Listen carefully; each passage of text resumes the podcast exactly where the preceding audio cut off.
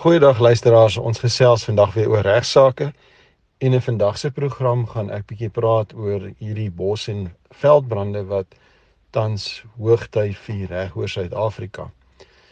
In 'n vorige program het ons gesels oor die nasionale bos en veldbrandwet wat hierdie hele kwessie reguleer en eintlik maar 'n skema in plek stel om alle grondeienaars in Suid-Afrika wat blootgestel is aan veldbrande onder een stel wetgewing te verenig in 'n poging om hierdie probleem te bowe te kom of ten minste te voorkom waar dit moontlik is. Ek wil vandag meer praat oor die hele kwessie rondom aanspreeklikheid en wat veroorsaak aanspreeklikheid of waar kan aanspreeklikheid voortspruit. Eerstens is die mees duidelike oorsprong van aanspreeklikheid toe te skryf aan waar 'n brand ontstaan en hoekom 'n brand ontstaan baie kere ontstaan brande kan ons spontaan ontstaan maar baie kere gebeur dit dat dit toe te skryf is aan een of ander optrede of versuim aan die kant van 'n persoon en dan eh, uit die hart van die saak kan 'n situasie waar gewone klein brand ehm um, vinnig ontaard in 'n baie baie groot brand wat oor 'n baie groot area versprei en vernietigend is ten opsigte van eiendom en selfs ook lewens.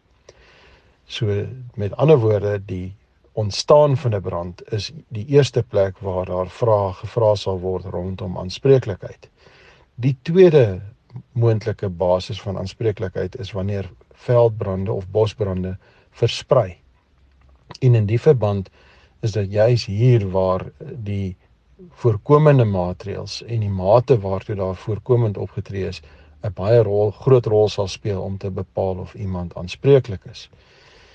in die nasionale bos en veldbrandwet word die magte of die gesag gegee aan brandbestrydingsverenigings om te bepaal watter tipe maatreëls in plek gestel moet word op 'n deurlopende grondslag om die verspreiding van brande van een stuk grond of een eiendom na 'n ander eiendom te voorkom of te beperk. Dit is dan ook in daai omstandighede indien so brand sou versprei waar die vraag gevra sal word na watter maatreëls in plek geplaas was om hierdie brand enerzijds te voorkom of om in geval van 'n brand die betrokke brandspanne of persone wat brande bestry in staat te kon stel om daai brand se verspreiding te voorkom of stop te sit. Die derde gedeelte wat ek spesifiek wil praat oor aanspreeklikheid gaan ook oor die hele kwessie rondom werkgewers en werknemers en in ons regstelsel bestaan daar 'n beginsel wat bekend staan as middelike aanspreeklikheid. Middelike aanspreeklikheid hou in dat werkgewers aanspreeklik gaan hou kan word vir nalatige of opsetlike optredes van hulle werknemers. En in daai omstandighede is dit baie baie belangrik dat wanneer daar met in omstandighede gewerk word of werknemers in omstandighede werk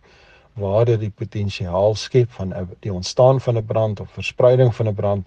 dat daar behoorlike opleiding gegee word en dat daar ook wanneer dit in 'n hoë risiko tydperk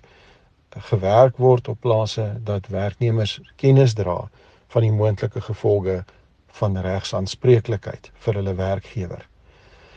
Die belangrikste hiervan is om liefs aan te sluit by brandbestrydingsverenigings om seker te maak dat daar vereistes aan daai vereistes wat deur die brandbestrydingsvereniging in plek gestel word voldoen word en dat almal saamwerk. En ek glo dit is in die belang van Suid-Afrika dat grondeienaars saamwerk in hierdie hele groot poging om hierdie vernietigende skadestigtende gebeurtenis wat elke jaar by ons plaasvind te bowe te kom.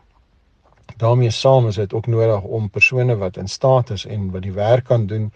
en wat oor die nodige kundigheid beskik om hulle werk na behoore te doen en die leiding te neem wanneer daar brande ontstaan of brande versprei en seker te maak dat hierdie persone nie net ten opsigte van ondersteuning, fisiese ondersteuning ook in die in finansiële vermoë geplaas word om met die beste moontlike toerusting brande te bestry.